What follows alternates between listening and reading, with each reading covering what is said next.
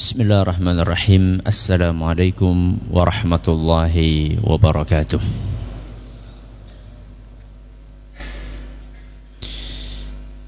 الحمد لله رب العالمين وبه نستعين على أمور الدنيا والدين وصلى الله على نبينا محمد وعلى آله وصحبه أجمعين أما بعد Kita panjatkan puja dan puji syukur kehadirat Allah Tabaraka wa Ta'ala. Pada kesempatan malam yang berbahagia kali ini Kita kembali diberi kekuatan, kesehatan, hidayah serta taufik dari Allah Jalla wa Ala. Sehingga kita bisa kembali menghadiri pengajian rutin tafsir kita ini di Masjid Agung Darussalam Purbalingga kita berharap semoga Allah tabaraka wa taala berkenan untuk melimpahkan kepada kita semuanya ilmu yang bermanfaat sehingga bisa kita amalkan sebagai bekal untuk menghadap kepada Allah Jalla wa Ala. Amin ya rabbal alamin. Salam dan salam semoga senantiasa tercurahkan kepada junjungan kita Nabi besar Muhammad sallallahu alaihi wa ala wasallam kepada para sahabatnya, keluarganya dan umatnya yang setia mengikuti tuntunannya hingga akhir nanti. Para hadirin dan hadirat sekalian yang kami hormati dan juga segenap pendengar radio Insani 88 FM di Purbalingga dan sekitarnya Para pendengar Radio Roja di Jakarta, di Bandung, di Lampung, di mana pun Anda berada Para pendengar Radio Bas FM di Solo Tigo dan sekitarnya Serta para pemirsa UFI TV yang semoga senantiasa dirahmati oleh Allah Azza wa Jal. Pada pertemuan yang lalu Kita sudah membahas dua ayat Dari surat Al-Alaq Yaitu ayat yang ke 15 dan ayat yang ke-16 yang bunyinya kalla la illam yantahi lanasfa'am bin nasiyah. Nasiyatin kadhibatin khati'ah. Dua ayat yang kita pelajari berisikan ancaman yang Allah berikan kepada Abu Jahal. Bahwa kalau dia tidak menghentikan perilaku buruknya maka niscaya akan dicabut atau ditarik dengan keras apanya? Ubun-ubunnya.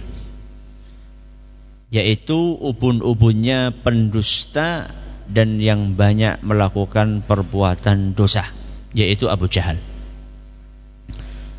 Ternyata Abu Jahal ini nantang dia. Sudah mendapatkan ancaman malah apa? Nantang. Maka ayat yang ke-17 dan ke-18 yaitu dua ayat berikutnya merupakan respon dalam tanda kutip dari Allah Subhanahu wa taala kepada tantangan yang dilontarkan oleh Abu Jahal.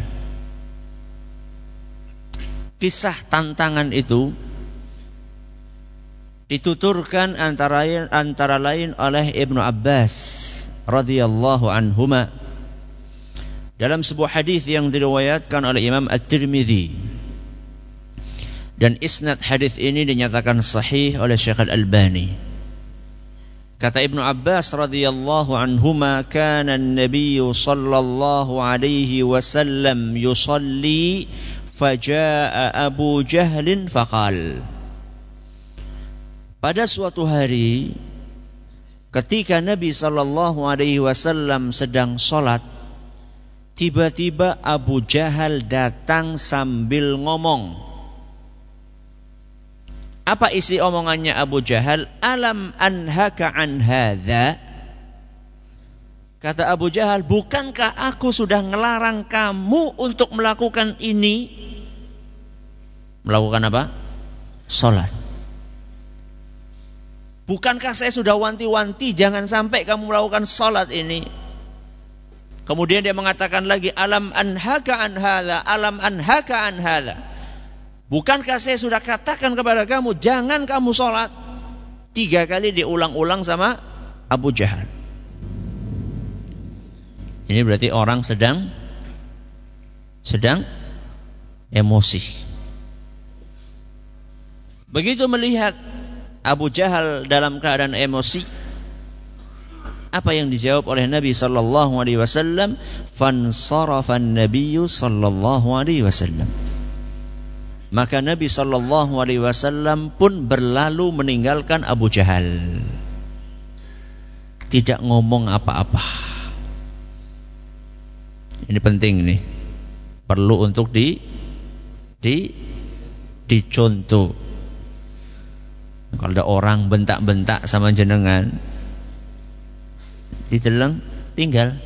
Nah.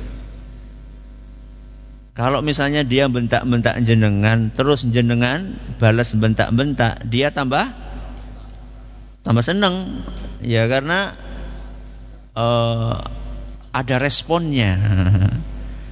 Tapi kalau misalnya tidak kita respon, jengkel dia. Jadi kalau kita respon, kita bikin dia menang. Tapi kalau kita tidak respon, maka kita yang menang, dia yang kalah.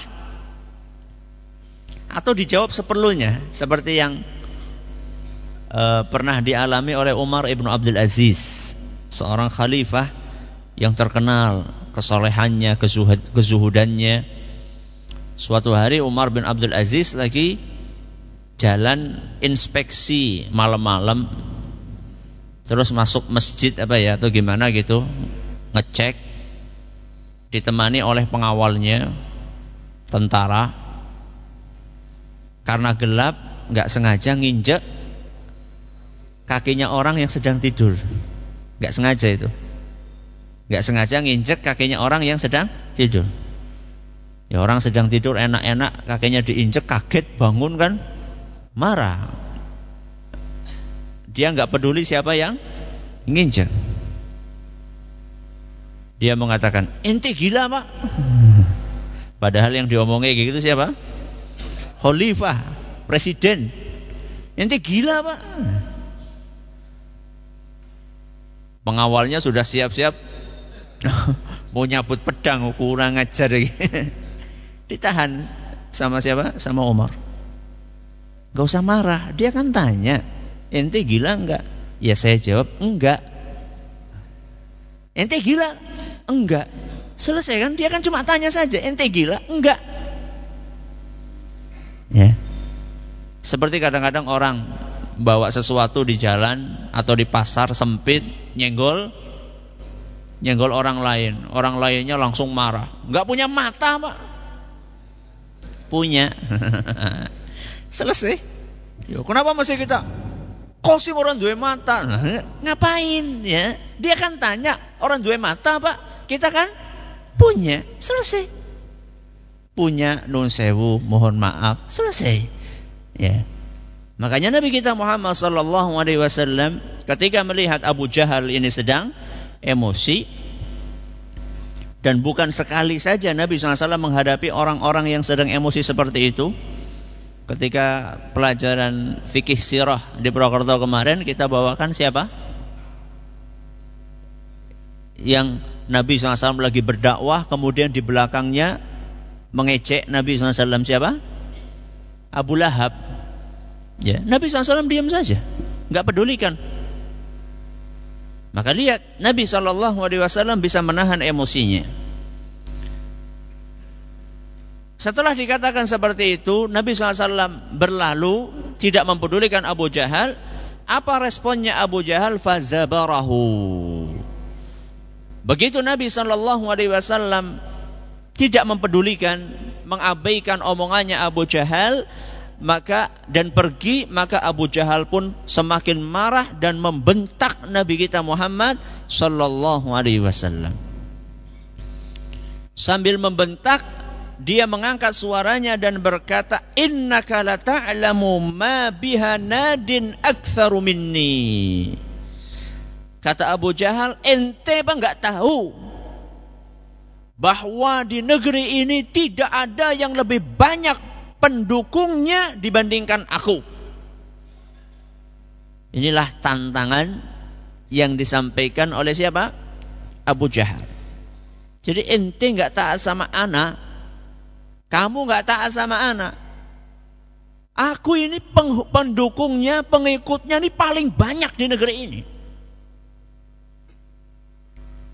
Maka Allah Subhanahu wa taala menurunkan dua ayat 17 dan ayat ke-18. Apa kata Allah Subhanahu wa taala? Falyad'u nadiyah. Falyad'u nadiyah. Kalau memang dia punya pendukung yang banyak, panggil itu semuanya. Ditantang balik sama siapa? Sama Allah. Falyad'u nadiyah. Panggil sudah penghuna apa? Pendukung-pendukung dia. Kemudian Allah mengatakan apa? Sanada'uz zabaniyah. Kami akan panggil malaikat zabaniyah. Nanti kita akan jelaskan siapa malaikat zabaniyah. Ente panggil sana pendukung-pendukung ente. Nanti kami akan panggil malaikat zabaniyah. Dua ayat yang berisikan respon dari Allah Subhanahu wa taala kepada tantangannya siapa? Abu Jahal. Jadi kata para ahli tafsir, Abu Jahal ini dia punya majelis, punya majelis yang sering, yang selalu penuh, ya selalu penuh. Ya tentu bukan majelis taklim ya. dia punya majelis, ya kalau sekarang uh, apa ya tempat kumpul-kumpul gitulah, gendu-gendu ya jadi dia punya majelis yang dihadiri oleh banyak orang, para pembesar, ya, dan selalu penuh majelisnya. Sehingga Abu Jahal ini merasa dia ini punya banyak pengikut, punya banyak pendukung. Ketika dia merasa punya banyak pendukung, maka dia merasa dia ini punya dukungan ma masa. Jadi dia merasa punya masa yang banyak sehingga dia bangga-banggakan masa yang dimiliki oleh dia. Padahal Allah Subhanahu wa taala sebenarnya sudah pernah mengingatkan dalam sebuah ayat di surat yang pernah kita bahas yaitu surat At-Takatsur ayat yang pertama. Apa bunyinya? Alhaakumut takatsur sungguh berbangga-bangga telah melalaikan kalian. Kalau kita lihat at-takatsur itu dari kata kathir. Apa artinya kathir? Banyak. Loh berarti kita nggak boleh punya anak banyak Ustaz. Apa kita nggak boleh punya harta banyak? Bukan masalah banyaknya yang tidak boleh, tapi yang jadi masalah ketika yang banyak itu membuat kita lalai. Itu yang jadi masalah. Makanya alhaakum. Ya yang artinya telah melalaikan kalian. Ya. apa Ustaz yang telah melalaikan kita? Segala sesuatu yang dibanggakan. Entah itu harta entah itu pendukung pengikut masa jamaah ilmu.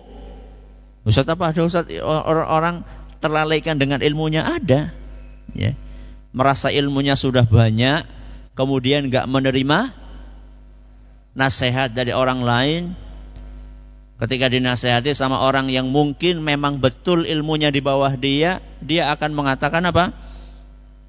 Bocah wingi sore ngerti apa? Anak kemarin sore tahu apa?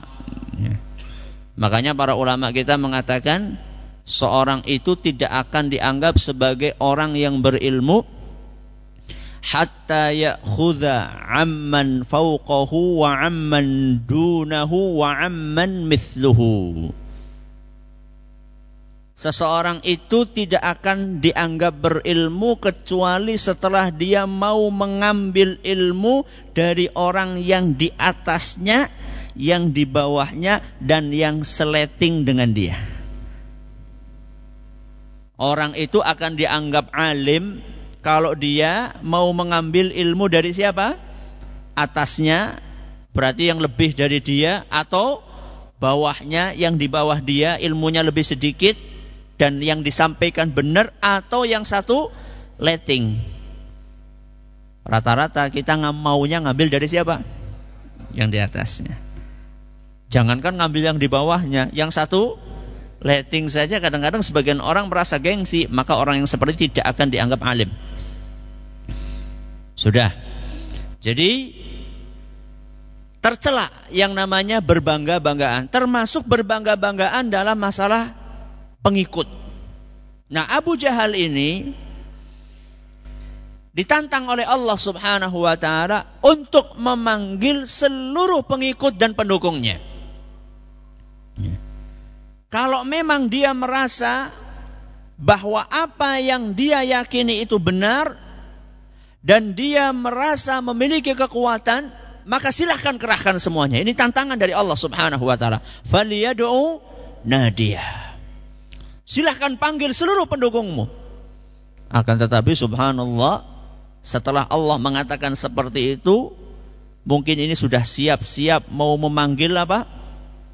Eh, pasukannya Allah langsung mengatakan sanad'uz zabaniyah. Kalau ente panggil pendukung ente, maka kami akan panggil para malaikat zabaniyah. Langsung mengkeret gue. Jadi pertama-tama apa? Merasa, wow, saya punya banyak pendukung. Langsung diiringi oleh Allah Subhanahu wa taala dengan firman-Nya, "Sanadu zabaniyah." Kami akan panggil para malaikat zabaniyah. Makanya kata Ibnu Abbas ketika membawakan riwayat tadi, faqala Ibnu Abbas membawakan yang saya bawakan hadis tadi yang di awal hadis riwayat Tirmidzi dan istilahnya di Sahih Al-Albani Kata Ibnu Abbas, "Wallahi demi Allah, lau da'a nadiyahu la akhadathu zabaniyatullah." Kata Ibnu Abbas, demi Allah seandainya sampai Abu Jahal mengerahkan para pendukungnya, niscaya Allah subhanahu wa ta'ala akan memerintahkan malaikat Zabaniyah untuk mencabut dan mencampakkan Abu Jahal. Ingat, Abu Jahal ketika mendekat Nabi SAW apa? Mundur kan? Diceritakan oleh Nabi SAW kalau sampai dia berani maju satu langkah, apa kata Nabi SAW? Akan dicabuti satu sepersatu apanya?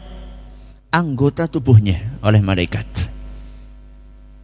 Akan tetapi Abu Jahal ternyata tidak berani untuk maju. Padahal sebelumnya sudah sudah sesumbar. Ya. Sudah sesumbar kalau sampai ngelihat Muhammad sholat lagi tak injek itu kepalanya naudzubillahimin min Sudah Allah Subhanahu wa taala menyampaikan sanadu zabaniyah kami akan panggil malaikat zabaniyah. Sebelum kita bahas zabaniyah, kita bahas malaikat dulu. Ya. Malaikat adalah merupakan bala tentaranya Allah Azza wa Jalla. Malaikat adalah merupakan bala tentaranya Allah Subhanahu wa taala yang tidak tahu seorang pun berapa jumlah tentara Allah kecuali Allah. Dan itu Allah tegaskan dalam Al-Quran surat Al-Muddathir ayat 31. Dalam surat Al-Muddathir ayat 31 Allah Subhanahu wa taala berfirman, "Wa ma ya'lamu junuda rabbika illahu." Kata Allah Subhanahu wa taala, tidak ada yang tahu berapa jumlah pasukannya Allah kecuali Allah. Alias tidak ada yang tahu kecuali Allah Subhanahu wa taala. Berarti banyak banget, saking banyaknya sampai nggak ada yang tahu. Saya akan bawakan satu ilustrasi menggambarkan kepada kita betapa banyaknya pasukannya Allah alias malaikatnya Allah dalam sebuah hadis yang diriwayatkan oleh Imam Bukhari dan Muslim ketika Nabi SAW melakukan perjalanan namanya Isra Mi'raj. Ketika Nabi Wasallam melakukan Mi'raj, beliau cerita apa saja yang beliau lihat ketika beliau Mi'raj. Apa sih bedanya Isra sama Mi'raj? Isra dari mana ke mana, Mi'raj dari mana ke mana? Kalau Isra dari Masjidil Haram ke Masjidil Aqsa. Kalau Mi'raj dari Masjidil Aqsa ke Sidratul Muntaha menghadap kepada Allah Subhanahu wa taala. Nah, ketika peristiwa Mi'raj naik ke atas itu, banyak kisah yang disampaikan oleh Nabi SAW tentang apa yang dilihatnya. Termasuk yang dilihatnya, kata Nabi SAW, Farufi Ali al-Baitul Ma'mur. Ketika saya sedang jalan-jalan di langit, tahu-tahu aku diperlihatkan oleh Allah Subhanahu wa taala Baitul Ma'mur. Apa itu Ustaz Baitul Ma'mur? Kata para ahli tafsir, Baitul Ma'mur itu bangunan yang istimewa di langit yang ketujuh. Bangunan tersebut tempat ibadahnya para malaikat dan kata Ali ibnu Abi Talib dalam sebuah riwayat yang diriwayatkan oleh Imam At-Tabari dan dinyatakan sahih oleh Syekh Al-Albani bangunan Baitul Ma'mur itu lurus dengan Ka'bah. Apa maksudnya? Kalau panjenengan naik dari Ka'bah terus kutul di Baitul Ma'mur. Kapan itu Ustaz? Ya mbula. Para manusia sekarang mungkin baru sampai ke langit dunia mungkin. Ya, kalau memang betul ada pesawat apa? Ulang alik ya. itu paling baru sampai ke mana? Baru sampai ke langit yang pertama. Ya, sekitar itulah paling-paling. Yang katanya sudah galaksi apa namanya? Bima Sakti apa ya? Itu belum ada apa-apanya itu. Ya. Jadi kata Ali ibnu Abi Thalib ketika ditanya tentang Baitul Ma'mur, baitun fis sama'i bihiyalil bait. Baitul Ma'mur adalah sebuah bangunan yang lurus dengan Ka'bah, lurus ke atas sejajar dengan Ka'bah yang berada di langit. Dan di situlah para malaikat beribadah. Sebagaimana kaum muslimin di dunia beribadah di sekeliling mana? Ka'bah. Kelop kan? Jadi Ka'bahnya tempat ibadah di sana juga ibadah juga di Baitul Ma'mur. Apa yang dilakukan oleh para malaikat kata Nabi sallallahu alaihi wasallam fasa'altu Jibril. Ketika aku diperlihatkan Baitul Ma'mur, aku bertanya kepada Jibril, "Apa ini?" Apa? Ini. Faqala hadzal Baitul Ma'mur. Ini adalah Baitul Ma'mur. Yusalli fihi kulla yawmin sab'una alfa malak. Setiap hari di dalam Baitul Ma'mur ini salat 70 ribu malaikat. Berapa? 70 ribu malaikat Masjid Agung pinten? Kalau penuh kan Kalau penuh ini berapa ini? 2000 apa 3000 saya nggak tahu. Nah. 70 ribu malaikat setiap harinya sholat di dalam Baitul Ma'mur. Yang lebih menakjubkan lagi adalah apa yang akan disampaikan oleh Nabi SAW setelah ini.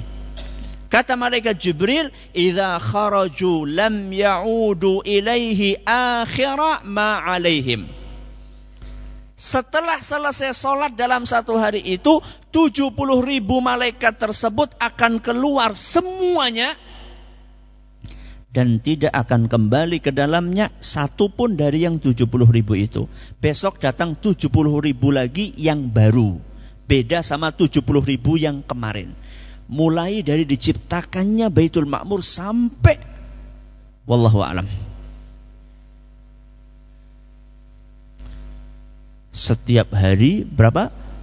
70 ribu. Yang 70 ribu itu keluar nggak balik lagi. Datang lagi 70 ribu yang baru lagi. Mulai dari diciptakannya Baitul Ma'mur sampai wallahu alam sampai kapan? Berarti berapa jumlahnya malaikat? Wa ma ya'lamu junuda rabbika illahu. Tidak ada yang tahu berapa jumlah tentaranya Allah kecuali hanyalah Allah. Sudah. Kita tadi bahas malaikat. Nah, malaikat ini sudah jumlahnya banyak. Mereka ini adalah pasukan yang super kuat, super tangguh, super taat. Jadi sudah jumlahnya apa? Banyak, super tangguh, super kuat, super taat. Karena kadang-kadang ada pasukan tidak taat sama komandannya. Ada yang taat tapi orang kuat pada baik.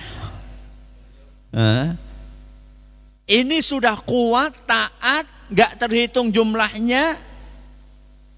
Ya. Dan itu Allah sebutkan dalam Al-Quran surat At-Tahrim ayat 6. Apa ayatnya? Ya ayyuhalladzina amanu ku anfusakum wa ahlikum nara. Mana ustaz malaikatnya?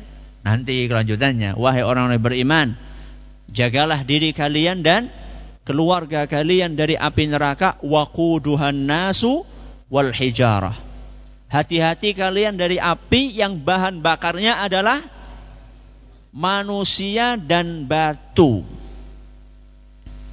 Kenapa Ustadz kok manusia dan batu? Iya. Karena kalau kayu bakar akan berubah menjadi abu. Kalau batu tetap akan awet dan dikasih minyak pakai dagingnya manusia. Jadi minyaknya itu tubuhnya manusia. Yang dibakar di neraka begitu habis minyaknya dijadikan baru lagi sama Allah Subhanahu wa taala. Kullama nadijat juluduhum baddalnahum juludan ghairaha. Kata Allah Subhanahu wa taala, setiap tubuh itu matang dibakar habis maksudnya minyaknya maka diganti lagi dengan tubuh yang baru supaya mereka merasakan siksaan Allah Subhanahu wa taala. Semoga Allah melindungi kita dari siksaan neraka. Allahumma amin. Kemudian kata Allah Subhanahu wa taala, "Alaiha malaikatun ghiladun shidadun." Yang menunggui neraka tersebut adalah para malaikat yang kasar dan kuat. Ya. La ya'sunallaha ma amarahum. Tidak pernah mereka mengatakan tidak ketika diperintahkan oleh Allah. Alias wa ma dan mampu menjalankan apa pun perintah Allah. Inilah yang saya katakan tadi tangguh kuat. Apa pun yang perintahkan siap. Kalau pasukan manusia pasti ada ada batas kemampuannya. Malaikat tidak. Ini sekilas tentang malaikat. Sekarang kita masuk malaikat siapa? Zabaniyah. Kenapa kok malaikat Zabaniyah disebutkan di sini secara khusus? Para ahli tafsir menyebutkan di antaranya Imam Ibnu Katsir bahwa Zabaniyah adalah para malaikat azab. Para malaikat azab, azab yang tugasnya menimpakan apa? Azab. Kira-kira kalau malaikat azab cocoknya serem apa malaikat azab kok gemulai ya tidak mungkin lah. Ya, makanya disebutkan oleh para ulama ghiladun syidadun. Malaikat ini kasar, kuat. Tugasnya apa? Tugasnya adalah menyiksa, membinasakan orang-orang yang jahat di dunia dan mencampakkan mereka nanti di akhirat. Jadi tugasnya itu dorong apa bahasa Jawa nek? Apa? Jongkrong nah. ya apa jongkongakan ya. tugasnya itu dari belakang itu jongkongakan orang-orang kafir untuk masuk ke dalam neraka jahanam dan diriwayatkan atau disebutkan oleh sebagian ulama bahwa malaikat inilah termasuk malaikat yang postur tubuhnya paling besar. Sepiro si Ustaz? Saya akan bawakan satu riwayat dari Abdullah ibnu Abi al-Hudzail. Yang riwayat ini disebutkan oleh Imam At-Tabari dalam tafsirnya. Kata beliau az-zabaniyatu. Malaikat zabaniyah arjuluhum fil ardi wa ru'usuhum fis sama'i. Malaikat zabaniyah itu kakinya di bumi, kepalanya di langit.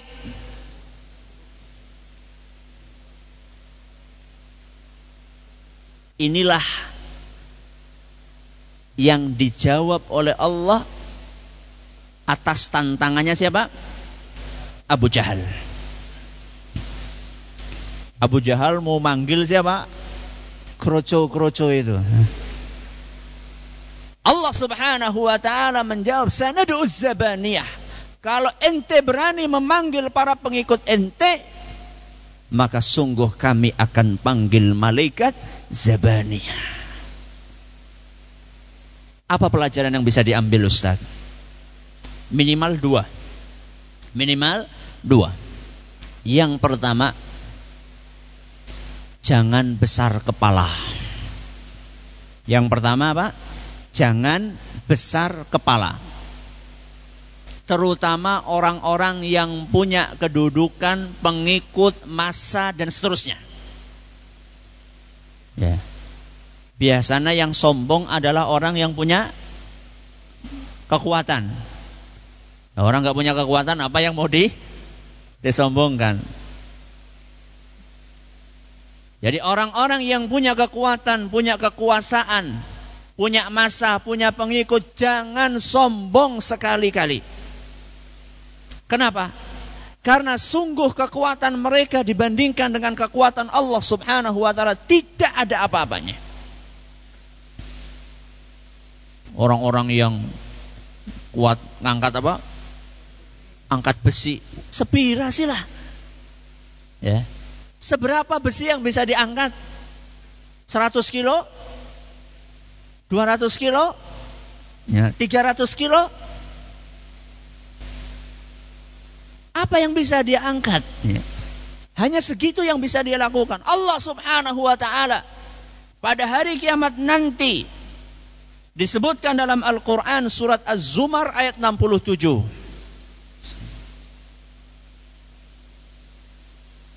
Surat apa? Az-Zumar ayat 67 kata Allah Subhanahu wa taala, "Wa ma qadarullah haqqa qadrihi." Para manusia itu tidak mengagungkan Allah sebagaimana mestinya. Kemudian Allah Subhanahu wa taala menggambarkan bagaimana keagungan Allah. Wal ardu jami'an qabdatuhu yaumal qiyamah pada hari kiamat nanti bumi seluruhnya berada di dalam satu genggaman tangan Allah. Berarti bumi berapa kilo itu? Bumi, bumi seisinya dalam genggaman Allah Subhanahu wa taala pada hari kiamat. Wassamawatu matwiyatun biyaminihi. Dan langit yang tujuh lapis ini akan digulung oleh Allah Subhanahu wa taala hanya dengan satu tangan kanannya saja. Dalam surat apa tadi? Az-Zumar ayat 67. Makanya jangan sombong kalau punya kekuatan, kekuasaan. Allah Subhanahu wa taala mematikan manusia gampang sekali. Makanya konon konon nih ya, yang siapa? Hitler ya? Yang kumisnya apa? Tebel ya. Yang punya bala tentara yang begitu banyak. Konon meninggalnya karena apa? Digigit nyamuk ya, konon meninggalnya konon ya ini perlu dicek lagi meninggalnya karena digigit nyamuk subhanallah nyamuk orang yang punya tank punya pesawat ya punya bala tentara ribuan. Allah Subhanahu wa taala mematikan dia hanya dengan seekor nyamuk. Semestinya orang-orang mengambil pelajaran dari seperti itu. Ini pelajaran yang pertama, jangan besar kepala. Pelajaran yang kedua, jangan gentar. Buat siapa ini Ustadz? buat orang-orang yang beriman yang berjuang membela agama Islam. Walaupun berhadapan dengan musuh-musuh yang punya kekuatan besar, jangan gentar. Pada pengajian fikih sirah kemarin, saya menyampaikan cerita tentang teman yang berdakwah di daerah Surabaya. Jadi sekitar berapa sekitar berapa minggu yang lalu saya ketemu dengan teman yang dia bergerak berdakwah di daerah Surabaya bersama sebuah yayasan sosial. Jadi masya Allah yayasan ini banyak menyentuh lapisan masyarakat yang jarang disentuh oleh dakwah. Apa itu kira-kira? Anak-anak jalanan. Anak-anak jalanan. Para pemulung, pengemis, kemudian anak-anak pang, ya Pernah nggak kita kepikiran kalau lewat perapatan itu ada anak-anak pang itu? Pernah nggak kepikiran kita untuk mendakwahi mereka? Pernah nggak? Adanya cuma perasaan sebel. Tapi gimana kita mendakwai mereka? Nah ini teman kami ini dia dengan yayasan sosial yang beliau bekerja di situ menggarap orang-orang itu dikumpulkan orang-orang tersebut ya kemudian dilakukan pengobatan gratis.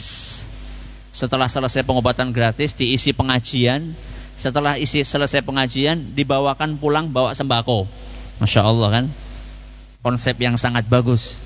Ya, perlu untuk di, ditiru. Katanya dalam satu bulan kami biasa menggalang sekitar 60 juta untuk memberikan santunan kepada orang-orang yang seperti itu.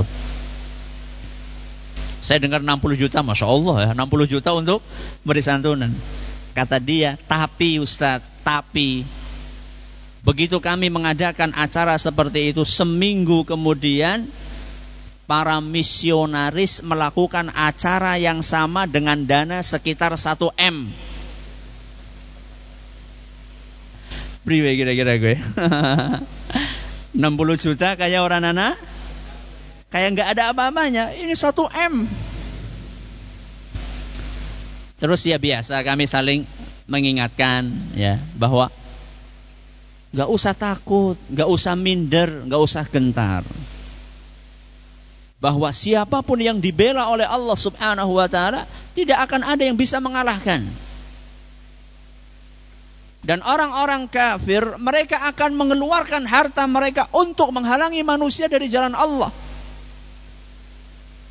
dan mereka akan terus mengeluarkannya. Ya. Sebagaimana yang Allah tegaskan dalam Al-Quran surat Al-Anfal ayat 36. Kata Allah subhanahu wa ta'ala, Innal ladhina kafaru amwalahum liyasuddu an sabilillah. Sungguh orang-orang kafir itu menginfakkan hartanya. Baru tumun ya, orang kafir juga infak Mulane wong Islam ora infak kebangetan. Ya, orang kafir aja infak. Buat apa mereka infak? Liyasuddu an sabilillah. Untuk menghalangi manusia dari jalan Allah. Itu bedanya antara orang kafir sama orang Islam. Kalau orang Islam berinfak di jalan Allah. Kalau orang kafir berinfak untuk menghalangi manusia dari jalan Allah, fasayunfiqunaha kata Allah, mereka akan terus berinfak. Mulanya kalau kita infak sekali aja aja mandek. Ya, infak terus. Fasayunfiqunaha thumma takunu alaihim hasrah. Akan tetapi kemudian infak mereka itu akan berubah menjadi penyesalan Thumma yughlabun dan mereka nanti akan kalah. Itu janji dari Allah Subhanahu wa taala. Itu baru di dunia, mereka akan kalah. Di akhirat apa? Walladzina kafaru ila jahannam yuhsyarun dan orang-orang kafir nanti pada hari kiamat akan dikumpulkan, akan digiring ke dalam neraka jahannam. Nauzubillahi min. Maka para pejuang ya, para pejuang dakwah ketika menghadapi tantangan jangan gentar kita punya siapa? Allah Subhanahu wa taala. Maka PD saja. Beda loh antara PD dengan apa? Sombong. Ya, nanti jangan-jangan saya dipahaminya sombong, jangan. Pede saja. Kita bersama Allah Subhanahu wa taala kalau kita membela agama Allah. Intan surullaha yansurkum. Kalau kalian membela agama Allah, niscaya Allah akan membela kalian. Sampai di sini pengajian kita pada kali ini. Sebelum kita tutup, saya akan menyampaikan dua pengumuman. Pengumuman yang pertama, ralat ralat jadwal pengajian yang sudah kami umumkan pada minggu lalu. Saat itu kan kami umumkan akan ada pengajian adab dan akhlak di Masjid Jenderal Sudirman di Jalan Gatot Subroto malam Selasa. Ternyata ada perubahan dari takmir masjid tersebut dirubah menjadi malam Sabtu. Dirubah menjadi malam Sabtu Jumat malam Sabtu waktunya sama pada maghrib sampai Isya. Ini pengumuman yang pertama. Pengumuman yang kedua, radio kesayangan radio kesayangan kita, Radio Insani akan boyongan gelombang. Akan pindah gelombang. Awalnya 88 FM akan pindah ke 102.2 Gampang orang? ya digampangkan lah. 102.2 Insya Allah. Mulai kapan Ustaz? Mulai minggu depan insya Allah. Kalau tidak ada halangan mulai hari Selasa. Mulai hari Selasa yaitu tanggal 17 Maret 2015. Dari berapa tadi? 88 pindah ke 102.2 FM. Itu yang dapat kami sampaikan. Setelah Isya insya Allah kita akan buka tanya jawab. Terima kasih atas perhatiannya. Mohon maaf atas segala kurangannya. Kita tutup dengan membaca Subhanakallahumma wa bihamdika asyhadu an la ilaha illa anta astaghfiruka wa atubu ilaik. Assalamualaikum warahmatullahi wabarakatuh. Bismillahirrahmanirrahim. Alhamdulillahirabbil alamin wassalatu wassalamu ala nabiyyina Muhammadin wa ala alihi wa sahbihi ajmain. Amma ba'd. Kita bacakan beberapa pertanyaan yang sudah masuk ke meja kami. Pertanyaan pertama Ustadz, saya menjual pakaian atau baju-baju khusus buat perempuan. Akan tetapi pakaian tersebut tidak syar'i. Sebagai contoh, pakaian yang minim zaman sekarang. Apakah keuntungan dari saya menjual itu halal atau haram. Yang kedua, apakah saya termasuk melakukan dosa jariah ketika selama yang membeli masih memakainya? Tolong penjelasannya. Pakaian yang minim tergantung makainya di mana. Tergantung makainya di mana di hadapan siapa. Kalau pakaian minim itu dipakai di rumah oleh istri di hadapan suaminya, no problem. Malah itu bagus. Nah, tapi kalau dipakai di luar, nah itu yang jadi masalah. Kalau dipakai di luar, dilihat sama orang-orang yang bukan mahramnya, itu jadi masalah. Karena dia memakai pakaian itu di luar, adalah perbuatan dosa. Ketika Anda menyediakan itu untuk dia, berarti Anda ikut kena dosanya. Di dalam Al-Qur'an Allah berfirman, "Wala ta'awanu 'alal itsmi wal 'udwan." Janganlah kalian saling tolong-menolong dalam perbuatan dosa dan permusuhan. Itu termasuk perbuatan dosa. Jadi Anda menyediakan itu untuk orang yang pakainya di luar, ya Anda ikut berdosa. Terus bagaimana Ustaz? Apakah keuntungannya halal atau haram? Siapa yang beli? Kalau yang beli pakainya di rumah ya halal, kalau yang beli pakainya di luar ya haram. Loh kita tahunya gimana Ustaz? Lihat aja ketika beli dia pakai apa.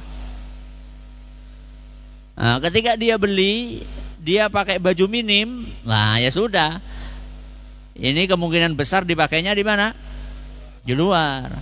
Tapi kalau yang datang pakai jilbab besar, pakai jubah, ya kemungkinan kecil lah dia pakai di di luar.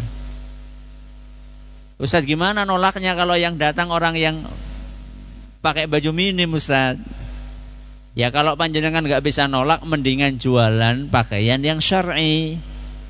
Mendingan jualan pakaian yang syar'i yang bisa dipakai di dalam maupun di di luar minim peminatnya Ustadz. Kalau kita ya berusaha untuk menyadarkan pakaian yang syar'i, mau nggak mau pasar akan mengikuti arah angin. Tahu nggak?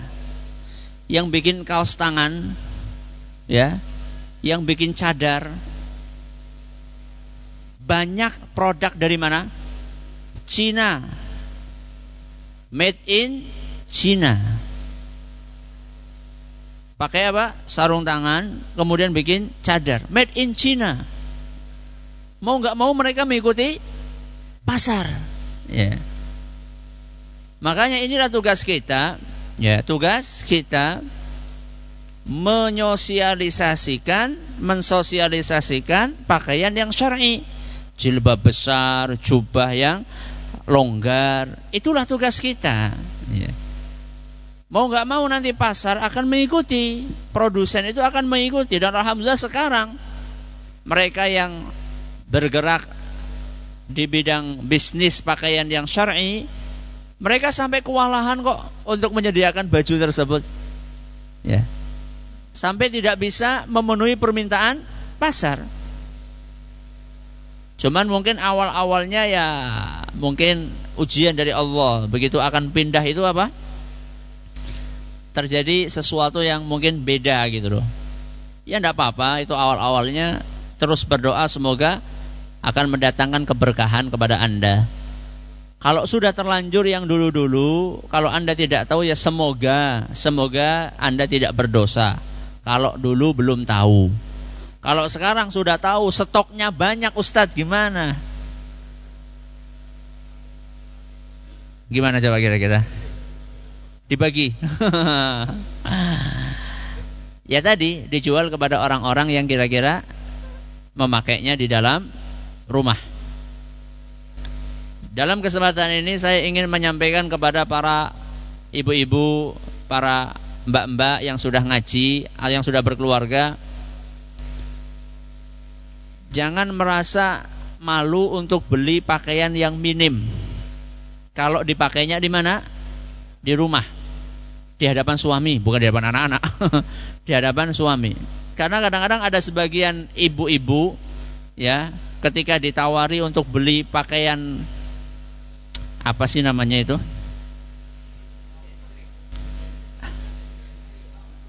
Yang pakaian yang tipis-tipis itu apa sih namanya istilahnya? Lingeri, lingeri. pakaian lingeri. Nah, pakaian lingeri baju tidur yang tipis itu sebagian ummahat, sebagian akhwat, ya, sebagian ibu-ibu yang sudah ngaji itu merasa, ih masa beli baju kayak gitu? Gak boleh kalau dipakai di mana? Di luar. Masa di hadapan suami mau pakai jilbab besar? Ya, pakai jubah, terus pakai cadar. Masa di hadapan suami pakai cadar gimana sih? Ya. Jadi ini momen yang ingin saya ingatkan. Pertanyaan berikutnya, Ustadz bolehkah zikir pagi dan petang diamalkan ba'da maghrib untuk yang petang? Mengenai waktu zikir pagi dan petang ada perbedaan pendapat di antara para ulama. Ada sebagian ulama mengatakan waktunya ba'da asar sampai e, maghrib. Bahkan ada yang mengatakan waktunya mulai dari ba'da zuhur sampai maghrib dan ada yang mengatakan waktunya bukan dibatasi sampai maghrib saja, bahkan sampai apa? sampai malam. Ya. Pendapat ini eh, pendapat-pendapat ini cukup kuat ya, punya dalil masing-masing. Kalau memang Anda bisa membacanya sebelum maghrib mungkin uh, lebih baik. Ya, lebih baik kalau bisa sebelum maghrib sudah selesai. Tapi kalau misalnya karena satu dan lain hal akhirnya baru sempatnya setelah maghrib ya insya Allah tidak apa-apa.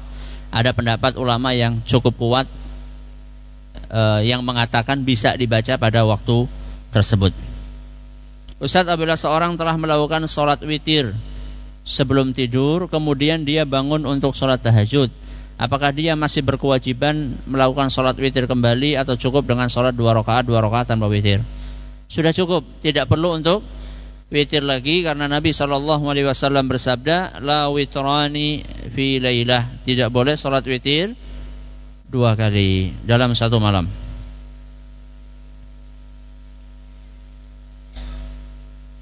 Ustadz apa benar bahwa Abu Lahab diringankan siksanya pada hari Senin karena pernah merasa senang ketika Rasul SAW lahir?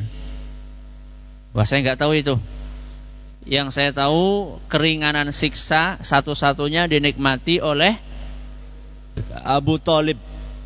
Oleh Abu Talib karena Abu Talib membela Rasul SAW dan melindungi beliau.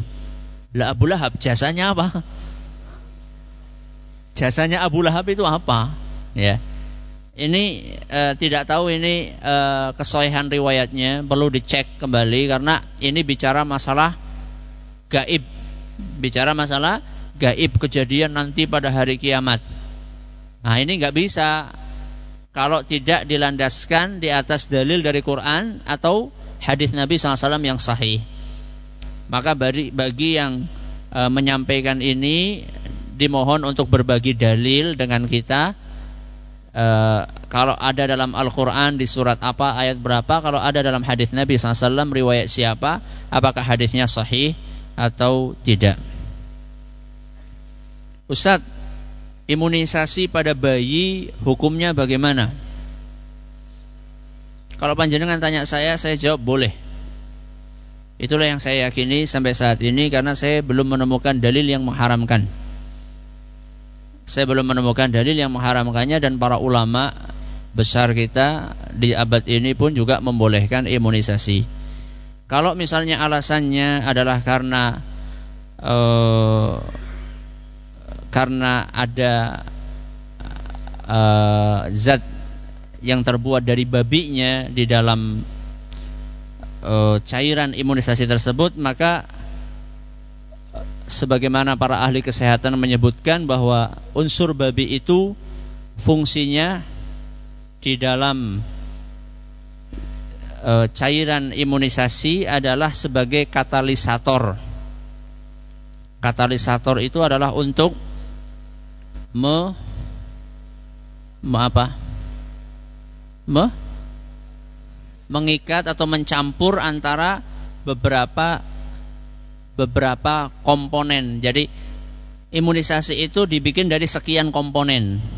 Nah, supaya komponen itu bisa mix, bisa nyampur, butuh namanya katalisator. Nah, kalau misalnya itu sudah nyampur, maka katalisatornya tadi akan hilang.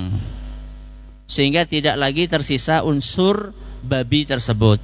Inilah yang di dalam ilmu fikih dikatakan istihalah. Ya. Perubahan bentuk ya. Dari babi menjadi tidak lagi gitu, menjadi tidak ada lagi. Makanya kalau saya ditanya ya saya meyakini imunisasi boleh. Adapun ada yang mengatakan itu dari apa kotoran apa, kotoran apa, kotoran apa, sudah terbit satu buku yang baru beberapa hari yang lalu saya uh, dapat bukunya itu setebal ini saya lupa judulnya kontroversi seputar imunisasi atau apa gitulah saya lupa itu membantah sebuah tulisan yang ditulis oleh seorang uh, ibu ya seorang uh, wanita yang mengatakan bahwa imunisasi adalah konspirasi barat yang di dalamnya katanya dicampuri dari kotoran ini, kotoran ini dan seterusnya. Nah, itu dibantah dalam satu buku yang cukup tebal sekitar segini, e, diterbitkan oleh Pustaka Muslim Yogyakarta. Ini bisa untuk dijadikan sebagai pembanding untuk buku yang banyak tersebar di masyarakat yang mengatakan bahwa imunisasi itu tidak boleh. Akan tetapi saya juga tidak akan paksakan Ya tidak akan paksakan. Monggo kalau misalnya panjenengan meyakini berbeda dengan pendapat saya, akan tapi inilah yang saya yakini sampai saat ini dan anak-anak saya semuanya saya imunisasi. Wallahu taala ala wa alam. Terima kasih atas perhatiannya. Mohon maaf segala kurangannya. Kita tutup dengan membaca subhanakallahumma wa bihamdika asyhadu an la ilaha illa anta astaghfiruka wa atubu ilaik. Assalamualaikum warahmatullahi wabarakatuh.